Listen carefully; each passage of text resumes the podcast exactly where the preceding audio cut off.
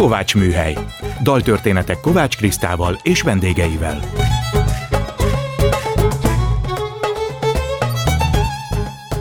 Szeretettel köszöntöm a Kovács Műhely hallgatóit, Kovács Kriszta vagyok. Gombhoz a kabátot, daltörténetek másként. Megkértem korábbi szakértő vendégemet, Majtényi Lászlót, hogy most ő válasszon két dalt a műsorba. Műsorindítónak az Én Füttyös Gyuri című dalomat hozta, a szerzők Gallai Péter és Fábri Péter, most ez következik.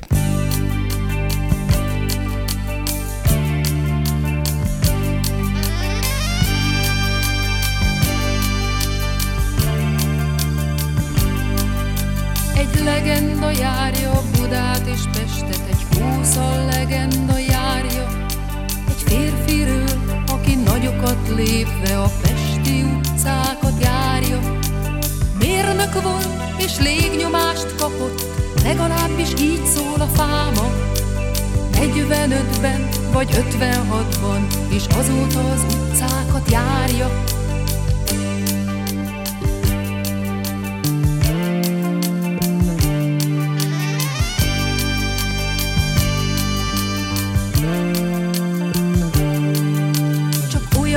Látjuk megállni őt, ha leszólít, adj egy kettest. Messziről látni, ha közeledik, és a kabátja szárnya rekked. A keletinél jár, a nyugatinál jár, a sapkája persze svájci, és veri a falat, ahogy őt is verte az Isten is, meg más is.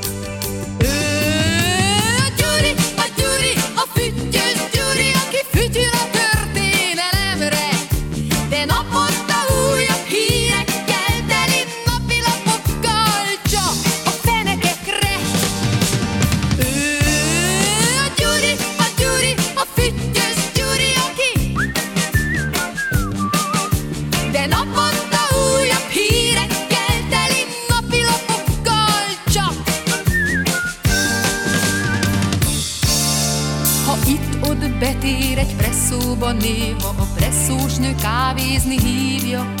A nevét se tudjuk, az egész város Csak Füttyös Gyurinak hívja. És nem is hinné a sok-sok csitri A szoknyájához kapkod nem gondolná, hogy Gyuri kezével a történelem csapkod. Pedig a Gyuri, a Gyuri, a füttyös Gyuri,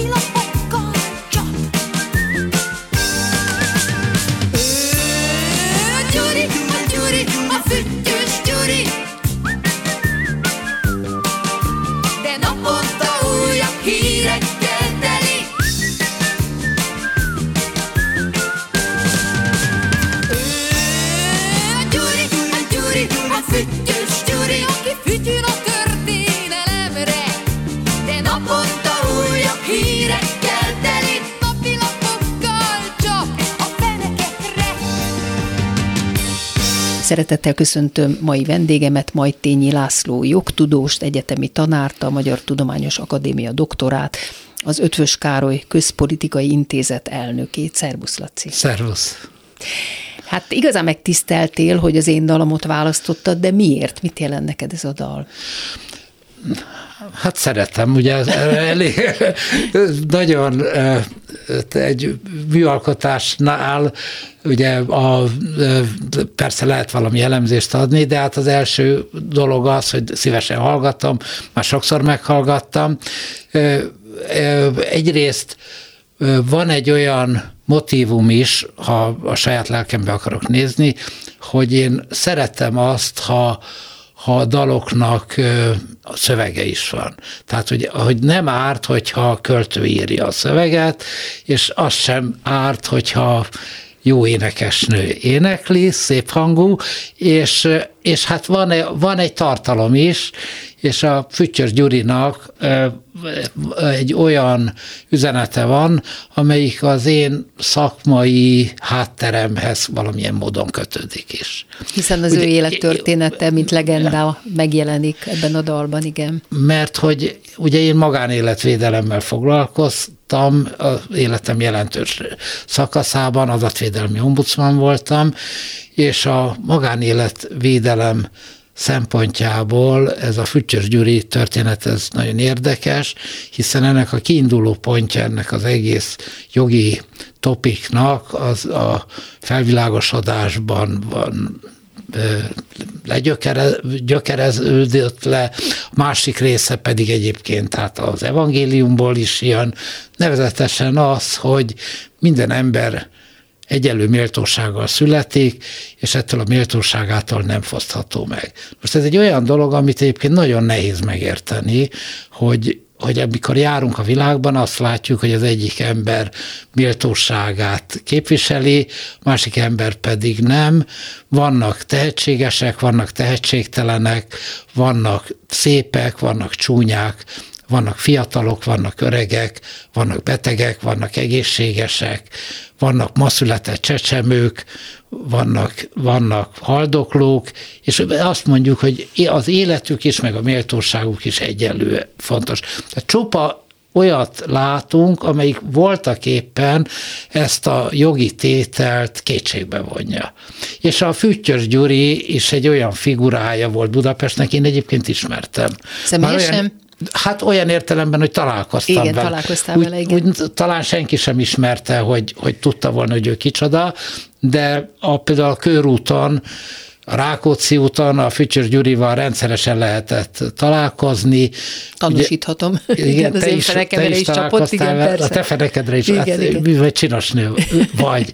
és a, és ugye egy újsággal ment, fütyült, és a, a csinos nőknek a fenekére csapott. Volt, aki ismerte, volt, aki felháborodott ezen, és hát nyilvánvalóan, hát ugye a köznép azt mondaná, hogy nem volt ki mind a négy kereke a Fütyös Gyurinak, egy ártalmatlan és szeretetre méltó ember volt, és nem a dalban is említődik, hogy a sorsáról nem tudunk semmit, hogy mi lett vele, egyszer csak eltűnt az utcáról. Ha nagy lelkűen bánunk a másik szabadságával, attól a miénk nem elfogy, hanem éppen gyarapodik. Kedves Lassi, te milyen családból jössz, és már gyerekkorodban is ezt tanultad? Gyerekként is ezt tanultad? Hát bizonyos fokig ezen soha nem gondolkodtam én a saját személyes történelemről soha nem beszéltem. Ez De a, most arra ez a, privacy, ez a privacy védelemhez De ha nem akarsz, akkor nem beszélsz hogy, Hát annyit elmondhatok, hogy hogy én, nekem nem volt a, a legkönnyebb gyerekkorom, mert én arra nem is emlékszem, hogy a szüleim együtt éltek volna, hmm. mert talán két éves voltam, amikor az édesapám és az édesanyám elváltak egymástól. És te kivel maradtál? Hát ez is bonyolult, mert eh, hol itt, hol ott. Tehát nem, nem volt ez egy, egy nagyon egyszerű történet, és nem is, eh, nem is akarom részletezni. Volt, hogy nagymamánál volt, hogy, hogy hogy apámnál volt, vol, anyámnek különösen nehéz sorsa volt, tehát volt, amikor rendes lakása nem volt, aztán sőt, rendes lakása csak időskorára lett, tehát ilyen társbérlet, meg, meg, meg WC kint valahol egy, egy, egy a folyosóról, tehát nem, nem Akkor volt. nem volt könnyű. Nem, nem volt, de ugyanakkor amit mondasz, azt viszont tapasztaltam. Tehát, a, hogy a... Hogy hát a ez tőled egy idézet, tehát ezt te mondtad. Tudom, igen, igen, sejtem, hogy ezt én mondtam, igen. és szép mondat, és örülök, hogy ezt találtad, meg is vagyok elégedve a megformálással, és ez nagyon fontos, hogy a, ugye a jogi szövegek azok rettetesen unalmasak szoktak lenni, de az igazán komoly jogászok, most éppen egy bibó kurzus tartok a, a Közép-Európai Egyetemnek a a Bibó István Szabad Egyetemén az aktuális Bibó címmel, és a mostani tegnapi előadást éppen én tartottam, és Montesquieu és Bibó István között párhuzamot vontam, Bibó nagy tisztelője volt Montesquieunek, és két olyan jogászról beszélünk, akik hát a, azt kell mondjam, hogy az értekező próza mesterei. Tehát uh-huh. nem, nem csak unalmas, fűrészparízű szövegeket kell a jogászoknak mondani. A, a legnagyobbak, a, ők hát élvezetesen hát, élvezet, Nagyon élvezetes stílusban írtak. És ja, csak az, odáig akartam eljutni, hogy hogy hát az én édesanyám azt megtette, hogy hogy egy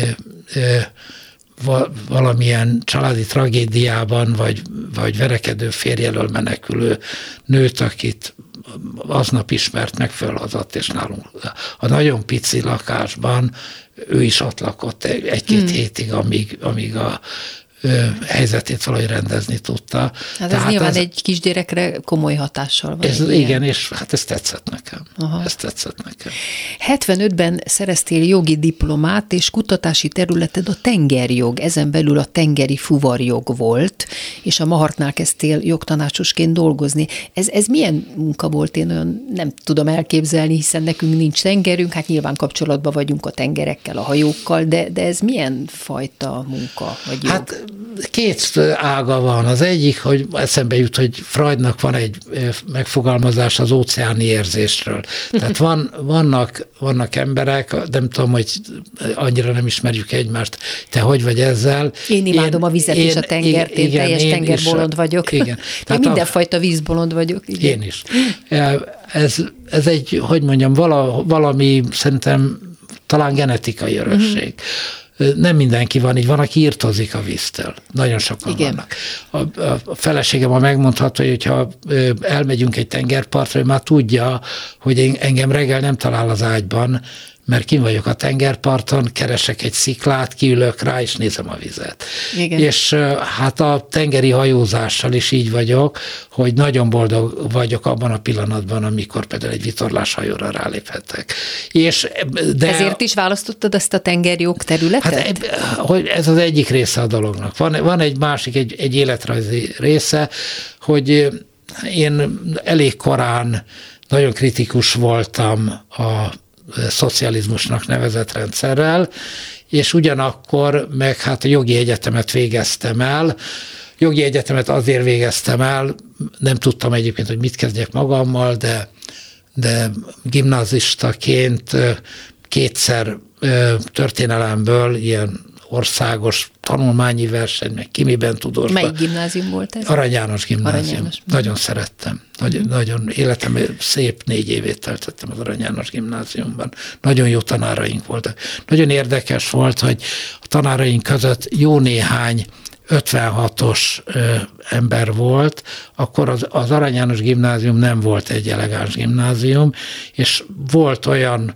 tanárom, akinek egyetemen lett volna a helye, mondjuk egy irodalomtanszéken, de az 56-os működése miatt ez lehetetlen volt, és meghúzta magát egy gimnáziumba, én meg hát, Örültél ő, neki, hát, igen. iszonyú szerencsésnek éreztem És magam. ők ezt a vállalták, ezt a... Nem, nem. Ez nagyon érdekes, hogy mindent lehetett tudni, de nem tudjuk. Én nem tudom, hogy honnan. Tehát tudtam, hogy ki volt 56-os, voltak lelkes kiszesek, és nagyon rendes emberek egyébként. Volt, volt olyan tanárom, akit mai napig nagyon szeretek, hála Istennek kapcsolatban vagyunk, és, és hát nagyon de jó egészségnek. De nem 56-ról, ugye? örvend, és ő meg, ő meg éppen egy kiszes, de hát ugye egyébként egy tisztességes, nagyon kiváló ember, és a, akik meg ilyen 56-os figurák voltak, azokról valahonnan lehetett sejteni, de hát ők féltek és nem beszéltek róla, mint ahogy egyébként a, a, a nagyon mélyen vallásos egyik osztályfőnököm, aki, aki mélyen átélt katolikus hitével tanított minket, ő sem mondta soha, de valahogy, nem tudom, kamaszok sok mindent tudnak. Igen. Tehát ezek a, a levegőből le lehetett venni, úgyhogy én borzasztó szerencsés vagyok a, a gimnáziummal, ellentétben az egyetemmel, ahol sokkal kevesebb pozitív élményem volt. Tehát olyan professzorom, akire mai napig nagyon nagy tisztelettel emlékeznék, hát nem sokakat, vagy nem nehéz ügy. Ez itt a Kovács Műhely vendége Majtényi László. Na most hogy lett a tengerjogból alkotmányjog és ombudsmani intézmények vizsgálata, mint szakterület? Igen, hát lemaradt az, amit mondani akartam, Igen? hogy, hogy oda akartam kilukadni, hogy én attól írtóztam, hogy, hogy bármi olyat csináljak, ami a pártállam rok, hogy mondjam, pártállam iránti rokon szemvemet tükrözte volna. Ezt, ezt nagyon-nagyon korán, tehát kamaszkoromban ezt a ezt a dolog, ez a dolog valahogy bennem volt. Másfelől viszont én egyetemistaként már gyerekes családapa voltam, hiszen mi a első éves egyetemistaként kerültünk össze, és azóta is ugyanabban a házasságban élek. És, Akkor már unokád is van, gondolom. Hát, hogy egyetemista unokáim vannak. Nagy, tehát én én már 23 éves kor, koromban két gyerekes családapa voltam, ami viszont az utamat meg nagyon kijelölte, meghatározta, tehát az föl sem merülhetett, hogy valamilyen ilyen ellenzéki ö, ö, csoportba ö, ö, aktív legyek, hiszen el kellett tartanom két gyereket. Nem, lehet, nem lehetett kockáztatni, hogy ne Akkor, legyen állásod. Igen, igen, viszont, viszont távol akartam magamat tartani a pártállamtól. Tehát van ez az óceáni érzés az egyik, a másik része pedig az, hogy valami olyasmivel foglalkozni, ami egyébként érdekel,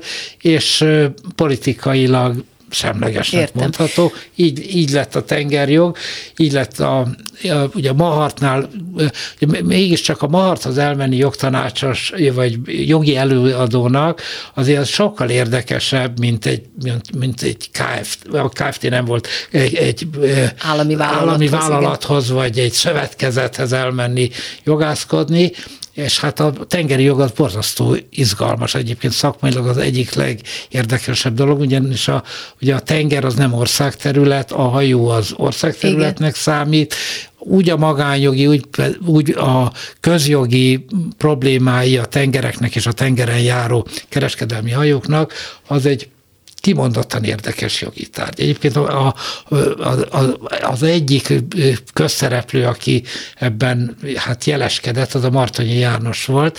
Ő, ő a tengeri fuvarozással írt kandidátusi értekezést, Jé, én meg hát tudtam. tankönyveket a tengeri Aha. jogról tehát nem, nem voltam én ezzel azért teljesen egyedül. Na, akkor viszont hogy jött ebből az alkotmányjog és az ombudsmani érdeklődés? Az, hát köz, igen, közvetlenül ebből származik egyébként nagyon érdekes módon, mert a rendszerváltás előtt megpályáztam egy norvégiai ösztöndíjat, amelynek a tárgya a tengeri jog volt, és ugye azért pályáztam meg, mert a műegyetemen én akkor már, a, ugye azt, azt arról nem beszéltünk, hogy a, hogy a, a tengerészeket és belvízi hajósokat tanítottam a műegyetemen. Hmm. hát volt tengerhajózása Magyarországnak ebben az időben, és a belvízi jogra és tengeri jogra, közjogra és magánjogra is tanítottam ezeket a diákokat. Mai, egyébként meg kell mondjam, hogy a mai napig nagyon nagy barátságban vagyok az akkori diákjaimmal Aha. is, nem csak a volt osztályfőnököm. Ja, ez nagyon izgalmas, igen. És, és, és akkor, akkor az történt, hogy hogy elnyertem a, a Skandináv Tengerjogi Intézetbe egy ösztöndíjat. De addigra én megírtam a tengeri fuvarjog tankönyvemet, a tengeri közjogról, amit meg akartam írni, megírtam, az egy korrekt tankönyv, akár ma is lehetne azt hiszem tanítani, és aztán rájöttem, hogy a a tengeri ö, fuvarbérleti szerződéseknek az ilyen 2000 oldalas könyvei, ezek végtelenül unalmasak. Igen. És hát 1988-at írtunk, én azt láttam, hogy recseg ropog a Már nagyon pártállam. nagy mozgolódás volt Igen, itt.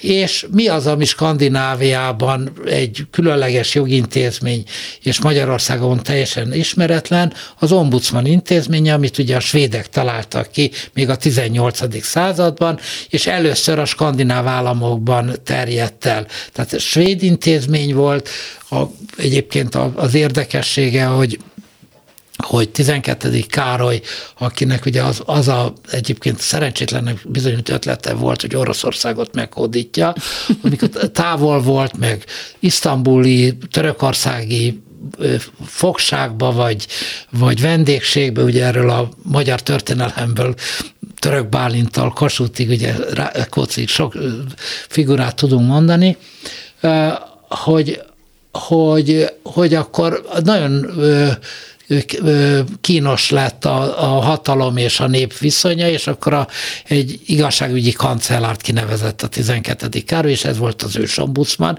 és aztán az első demokratikus svéd alkotmány, még a 19. században létrehozta azt a modern ombudsman intézményt, amelyik az előképe annak, ami az egész világon elterjedt. Na és akkor, és te akkor már... azt mondtam, hogy el a fenébe a tengeri joggal, elmentem az ombudsmani hivatalba, Oszlóban.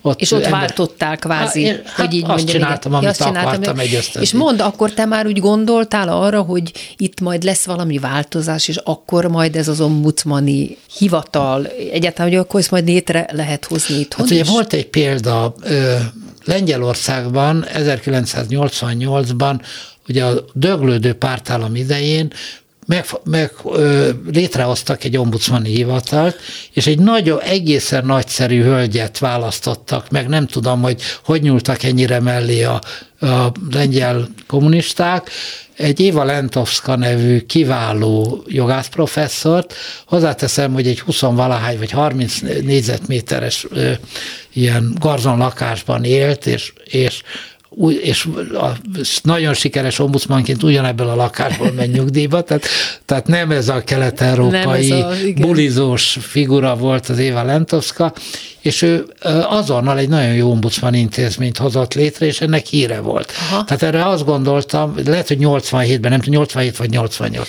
És te és arra voltál? gondoltam, hogy ezt nálunk is meg lehet csinálni, nekem jelöltem is volt erre, Solyom Lászlóra gondoltam, azzal, hogy, hogy, hogy nem azt gondoltam, hogy most meg fog bukni a rendszer, hanem, hanem hogy, ugye hogy, ezt tör, hogy, lehet hogy annyira kopik a rendszer, hogy, hogy ilyen tulajdonképpen hatáskör nélküli intézményt át lehet majd erőltetni. Uh-huh. Aztán az események felgyorsultak. Felgyorsultak az események, te kint voltál még akkor a rendszerváltásnál, vagy már itthon voltál? Hát 88-ban kim voltam, amikor a, mondjuk a, a nemzeti kerekasztal, az ellenzéki, előtt az ellenzéki kerekasztal elkezdett működni, akkor már itthon voltam, de ezekhez nekem semmi közöm nem volt az ég a világon. Igen. Figyeltem a dolgokat, és rettenetesen ingerült voltam amiatt, hogy mennyire tehetetlenek, mennyire lassú, mennyi, mennyi, mennyi, hülye ül ott, már bocsánat, itt is de ott. kívülről is, nézted. Ezt én kívülről néztem. De aztán és aztán meg, meg ut, utólag meg azt gondolom, hogy ez a tárgyalásos rendszerváltás, ez nagyszerű volt. És nagyszerű emberek csinálták. Tehát a, a, a vezető figurák azok nagyon jók voltak. Tehát Antal József, Sólyom László, Tölgyesi, Gönc Árpád, Kis János, ezek kiváló emberek voltak, de ott voltak a prepalicai Istvánok, akiktől pedig hát rosszul voltam közben. Ez itt a Kovács műhely vendége Majtényi László. A következő zenét, dalt is ő választotta, és ő hozta nekünk. Most következik a Most kéne kezdenünk című dal, előadja az Esti Kornél.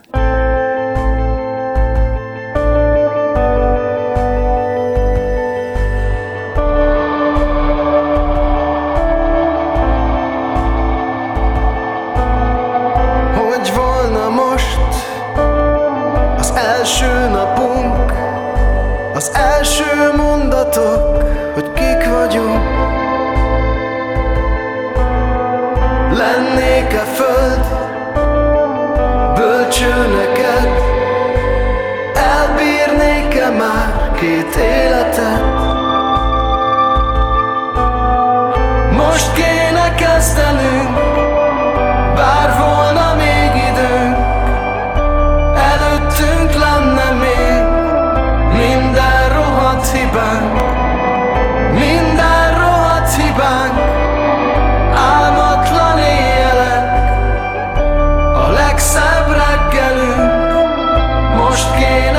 kéne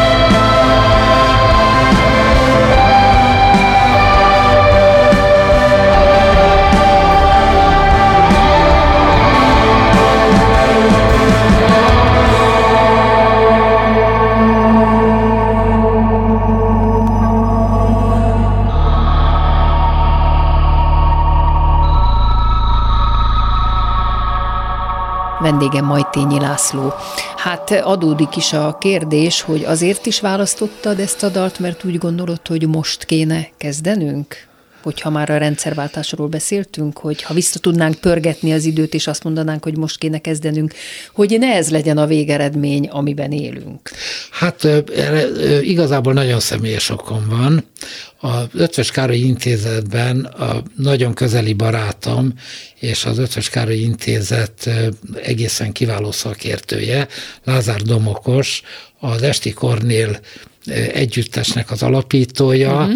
és hát a, egy, Hallottam is vele beszélgetés, volt valamelyik reggel itt a igen, rádióban, és nagyon jó volt. Igen, én, igen, igen, szerintem remek kivál, volt, igen. Nagyon, én nagyon elégedett voltam vele. És hát Ő ott zenél, ugye? És ő, hát mondhatom, hogy frontembere, mert ugye az, Ő zenekarnak énekel? énekel és gitározik. Ő énekel? Nagyon jó énekel, igen, remekül nem, énekel. nem csak ő, többen énekelnek, Aha, de az igen. egyik énekes. Egyik is énekes És van, egy, van egy olyan zenekara is, hogy, hogy Lázár tesók, a, az öccsével ketten is csinálnak zenekart. Azon kívül volt egy olyan is, hogy Pegazusok nem léteznek, az, az is jó zenét csinált, és eh, hát ugye egy, a iránta érzett rokonszenv is benne van. A másik, ami egy, egy nagyon érdekes dolog, hogy lehet persze, hogy most kéne elkezdeni, az, illetve én azt mondom, hogy most újra kellene kezdeni, Hát igen. de de nem erre gondoltam, hanem egy nagyon érdekes nemzedéki dal ez. Uh-huh. És ezzel kapcsolatban meg meg kell mondjam, hogy nekem eléggé ambivalensek az érzéseim. Tehát van egy ilyen magyar átok. Én azt érzem, hogy a mi generációnk elveszett. Tehát a, tehát, hogy, a rendszerváltás el, generációja. Igen, hát elbuktunk, vagy én nem is tudom, hogy... És azért volt 20 jó évünk, Laci, akárhogy is szerintem 90-től hát 2010-ig azért nem volt rossz. De rengetegen elzüllöttek a, a, az én korosztályomból. Aha nem akarok neveket mondani, tehát az, a, a, de sokan, sokan elzüllettek. Egyébként pedig, ha, ha már itt tartunk, egy nagyon szerencsés generáció vagyunk, mert azért azt kell mondjam, hogy a Moácsi vésztől kezdve mostanáig a magyar történelem, én többször elmondtam már, egy folyamatos roncsderbi. Igen. Tehát volt a dual és, és a nemzeti panteonban lévő hőseink a Moácsi vész után, azok mind lúzerek, mind, mind vesztesek. Egy egyetlen egy relatív kivétel tudok mondani akkortól mostanáig, akire azt tudom mondani, hogy, hogy, hogy kérdéses, hogy vesztese vagy győztes, Deák Ferenc. Deák, Deák igen, Ferencet pont őt akartam mondani, hogy a Deák, igen. igen. igen. Deák Ferencet leszámítva minden nagy magyar Hát elbukott. Hát Széchenyi, hogy a bolondok házában Hát végezte. a Széchenyi hogy végezte, a Kossuth hogy végezte, Petőfi hogy végezte, Vörös Marti, aki hát én nekem, is. Hát, Vagy tehát ő igen. nem, hát ő nem loser persze, de hát... Jó, hát ugye azért a Hát nem az lett, amit szeretett nem, volna. Igen, igen, Tehát van, hát nagyon sok pozitív, hát azt mondom, hogy a Nemzeti Panteonban lévő hát hőseink, azok van, akit kivégeztek, nem egyet, nem kettőt. Nagy Imre uh, például, igen. Igen, meg Batyányi Lajos, meg az aradi vértanúk, sok, hát elég sokat kivégeztek a, a nagyok köz, vagy ahhoz képest, ugye, hogy nem szokás egyébként miniszterelnököket kivégezni. De, de és hogy hát a, egy ideig sikeresek voltak, és utána megkeseredtek. Azért hát a Gönc Árpád sok hosszú ideig élt, de hát azért, amiért küzdött, az, annak az összeomlását megélte ő is. Igen. Hát már betegen, de, de, de, de hát megélte. Úgyhogy de, tehát, tehát azt akarom mondani, hogy, hogy ugye én úgy látom, hogy a mi generációnk hát részben elbukott, részben nem kis részben el is züllött. Másfelől pedig eh, nekem azért mondom, hogy ambivalens a felfogásom ezzel kapcsolatban, hogy ugyanakkor én nem vagyok a híve ennek a generációs gondolkodásnak. Tehát az egész életemben az úgy volt, hogy voltak nálam akár 20 évvel idősebb barátaim is, és vannak nálam 30-40 évvel fiatalabb barátaim is. És mindegyiktől kapsz is, és adsz mindegyik, is, igen. Tehát a, a, ugye igen. a, a mondatúrát, aki az Ötvös Károly intézetben van, igen. és a Esti Kornél zenekarnak a jeles zenésze, hát közeli barátom, és hát nálam ugye hát nagyon sokkal fiatalabb, de ők, ez egy generációs dal.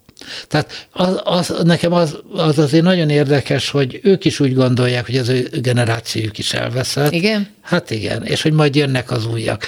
Csak hát ugye ebből áll az, az egész magyar történelem, hogy majd jönnek az újak, nem tudom, hogy hogy lesz, mi lesz ebből. Hát térjünk vissza egy picit a te életedre, hogy 95-től 2001-ig voltál végül is ombudsman, amit, ami a vágyad is volt, pont Gönc Árpád jelöltjeként. Mennyire látod, hogy ez betöltötte a feladatát mára? Ez is kétarcú dolog. Van egy olyan jelenség, amit úgy nevezhetünk, hogy intézményépítés és azt gondolom, hogy a, az ombudsman intézménye nagyon jól indult. Tehát ez és egy ilyen fura dolog, hogy valahogy jól néztünk ki együtt. Tehát Göncel Kati, Kaltenbach Jenő meg én, és hát Polt Péter is ott volt, és jó munkát végzett igen? egyébként, igen. Hogy valahogy volt, az, volt, ugye várakozás is volt irántunk, jól is festettünk együtt, és hogyha azt az esetjogot megnézi, megnézzük, amit, a, amit az első ombudsman generáció produkált, az arra szerintem büszke, büszkék lehetünk. Tehát ez az intézményépítés ez sikeres volt, és ugye ez most egy paródia a mai ombudsman hivatal, mint ahogy a magyar állam minden intézménye a paródiája annak, ami, aminek lennie kéne. De, de azért az van, hogy, hogy akár az adatvédelmi és információszabadság esetjoghoz, akár a többihez egyszer vissza lehet térni. Az, az első alkotmánybíróság világra szóló dolgokat csinált. Hát Tehát, igen, abban is részt vettél, ugye? Igen, igen, voltam ott hát szakértő, Lábadi Tamás alkotmánybíró mellett dolgoztam, és nagyon szép évek voltak. Ezután 2001-ben gondolom azért is nyitottál ügyvédi irodát, mert akkor már az Orbán kormány volt, és kicsit ellehetetlenítettek, gondolom ugye? Mert akkor már nem csináltad ezt. Igen, hát azt gondolom, hogy eléggé egy érdekes kirándulás volt. Hozzáteszem, hogy, hogy soha nem vállaltam el olyan ügyet, amelyik, amelyik amelyikben nem hittél, ugye? Amelyikben nem hittem. De ez nem ügyvéd, tehát igen, nem voltam igen. ügyvéd. Tehát, tehát egy ügyvéd... Igaz ügyvéd mindent egy, elvállal, ugye? De, de az étosza is ilyen. Tehát, tehát, a, tehát a rablógyilkosnak is jár ügyvéd. Ja, ja, és ez, ez, ez teljesen rendben van. Ugye én, én a, a, és az ügyvédkedésben adatvédelemmel és kisebb részben információszabadsággal foglalkoztam, mással nem. És olyan, olyan ügyeket vittem, amelyeknek volt morálisan igazolható Aha.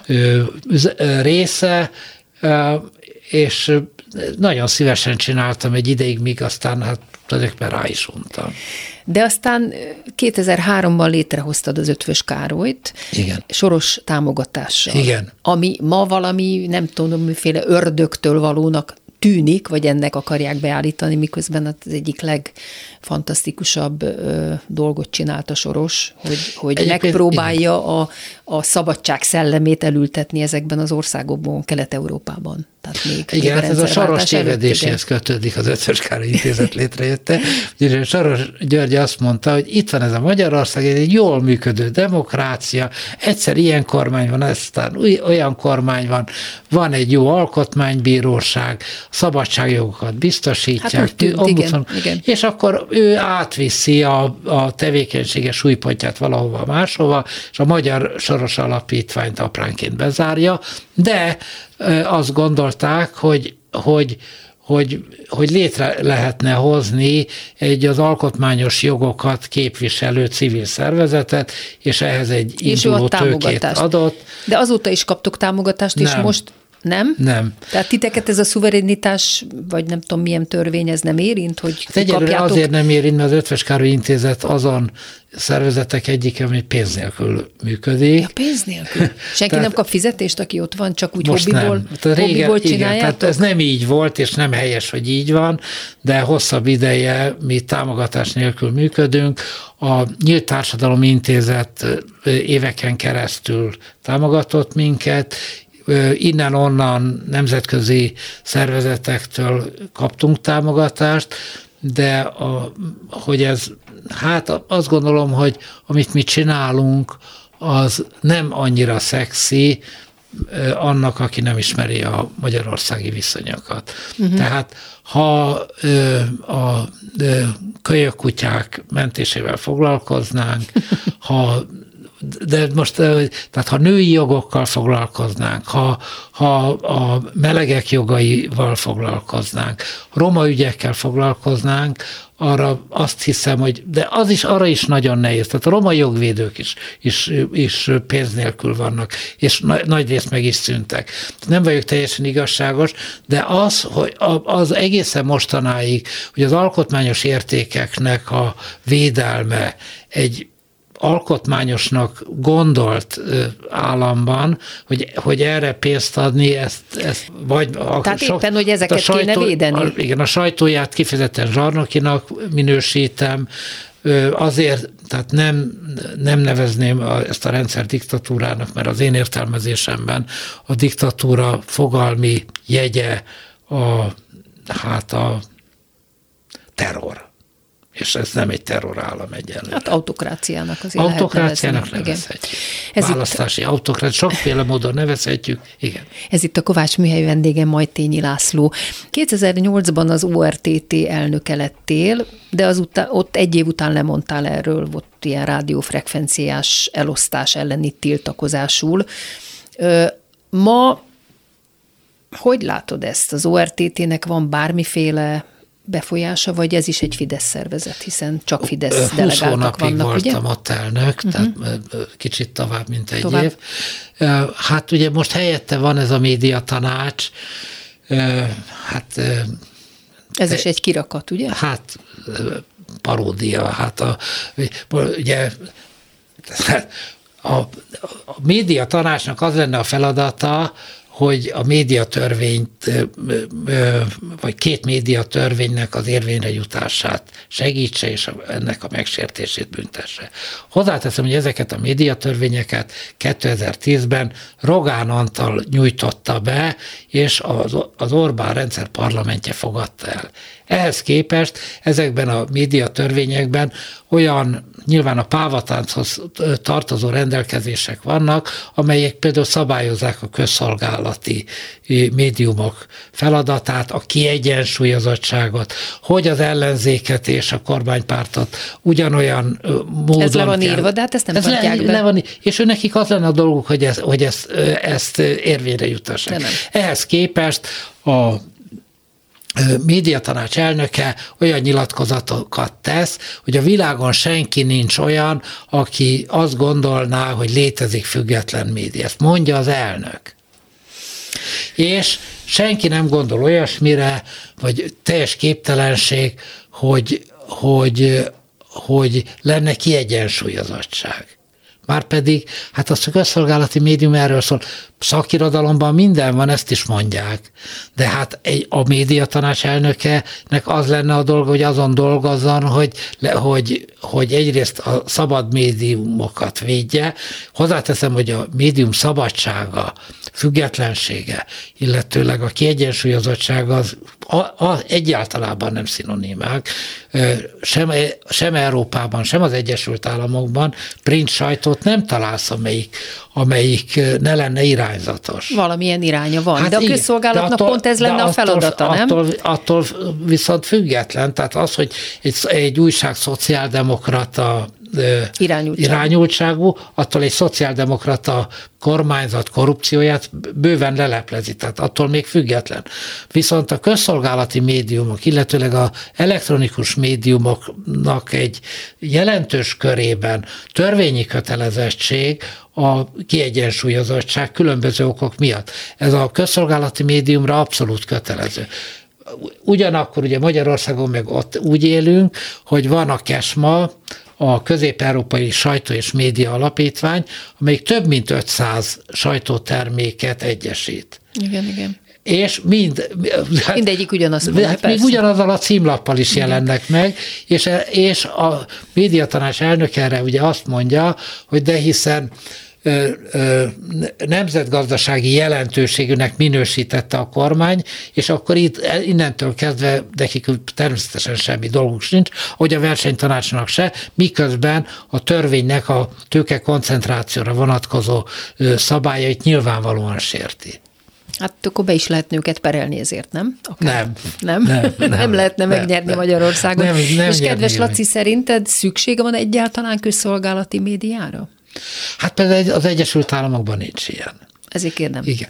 De, de azt gondolom, hogy, hogy Európában divat, én, én nagyon helyeslem azt, hogy legyen közszolgálati médium. De az legyen független, tényleg. De az legyen független. Hát igen. Egyrészt, ugye egyrészt azért, mert, mert ugye a világ dolgait a a lakosság alapvetően a közszolgálati médiumból tudja meg, és egy olyan szigetnyelv, mint amilyen a magyar, és olyan rossz nyelvtudási adatokkal, tehát ugye az, egy svájci természetesen nézheti az olasz, a német, az osztrák, a francia közszolgálati médiumokat, és tájékozódhat. Mégis van Na de mit csináljunk, amikor papír is van arról, hogy hazudnak?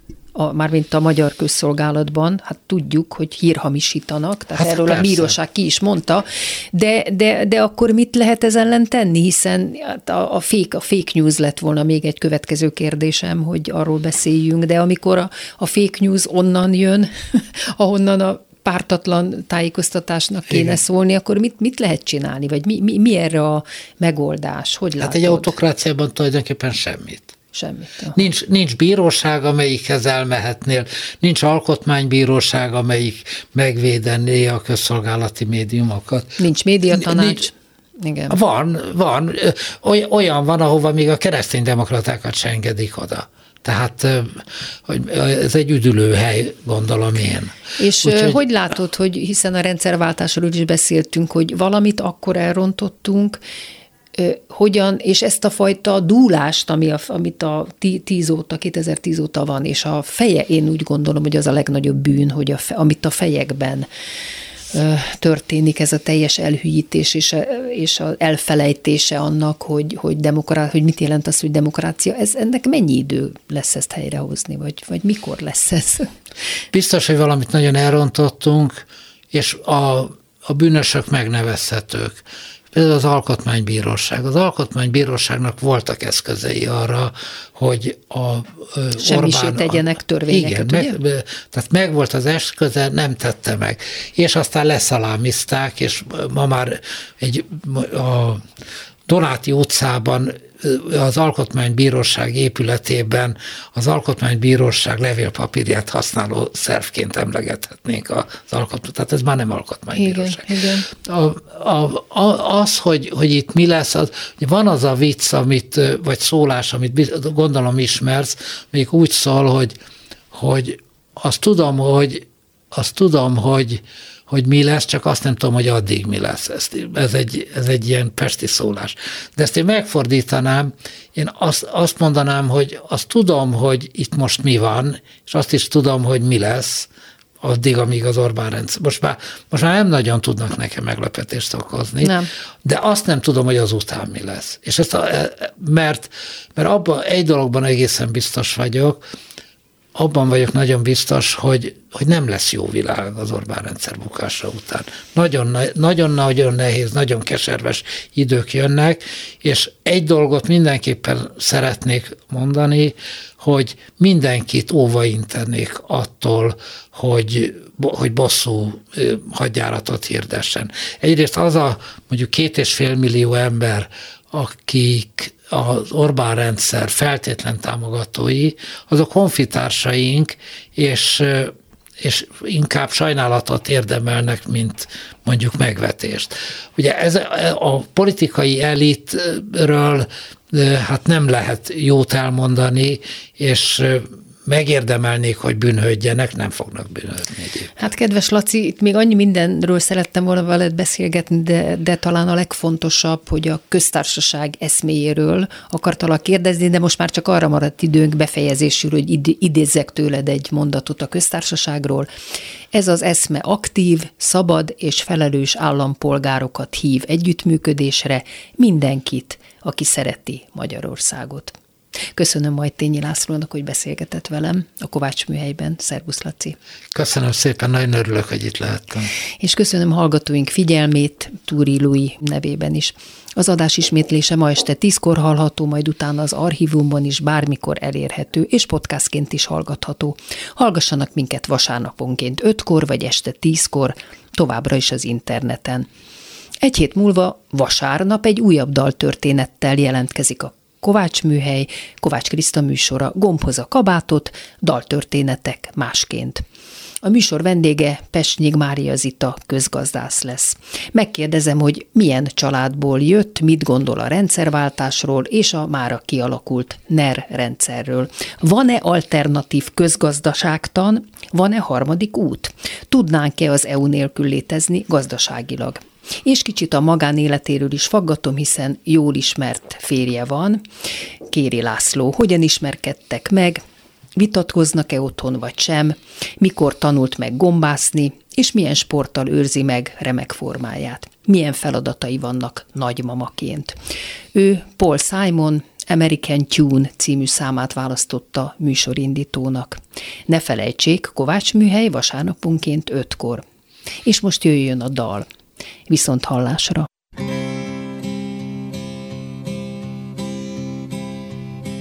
Many's the time I've been mistaken And many times confused Yes, and I've often felt forsaken And certainly But I'm alright, I'm alright. I'm just weary to my bones. Still, you don't expect to be bright and bon vivant so far away from home, so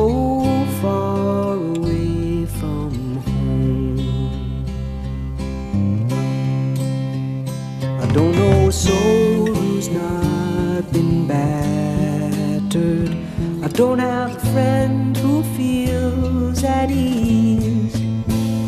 I don't know a dream that's not been shattered or driven to its knees.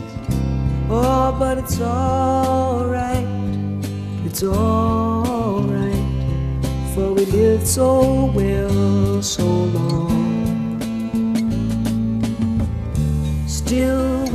Think of the road we're traveling on, I wonder what's gone wrong. I can't help it, I wonder what's gone wrong. And I dreamed I was dying. I dreamed that my soul rose unexpectedly. Looking back down at me, smiled reassuringly. And I dreamed I was flying.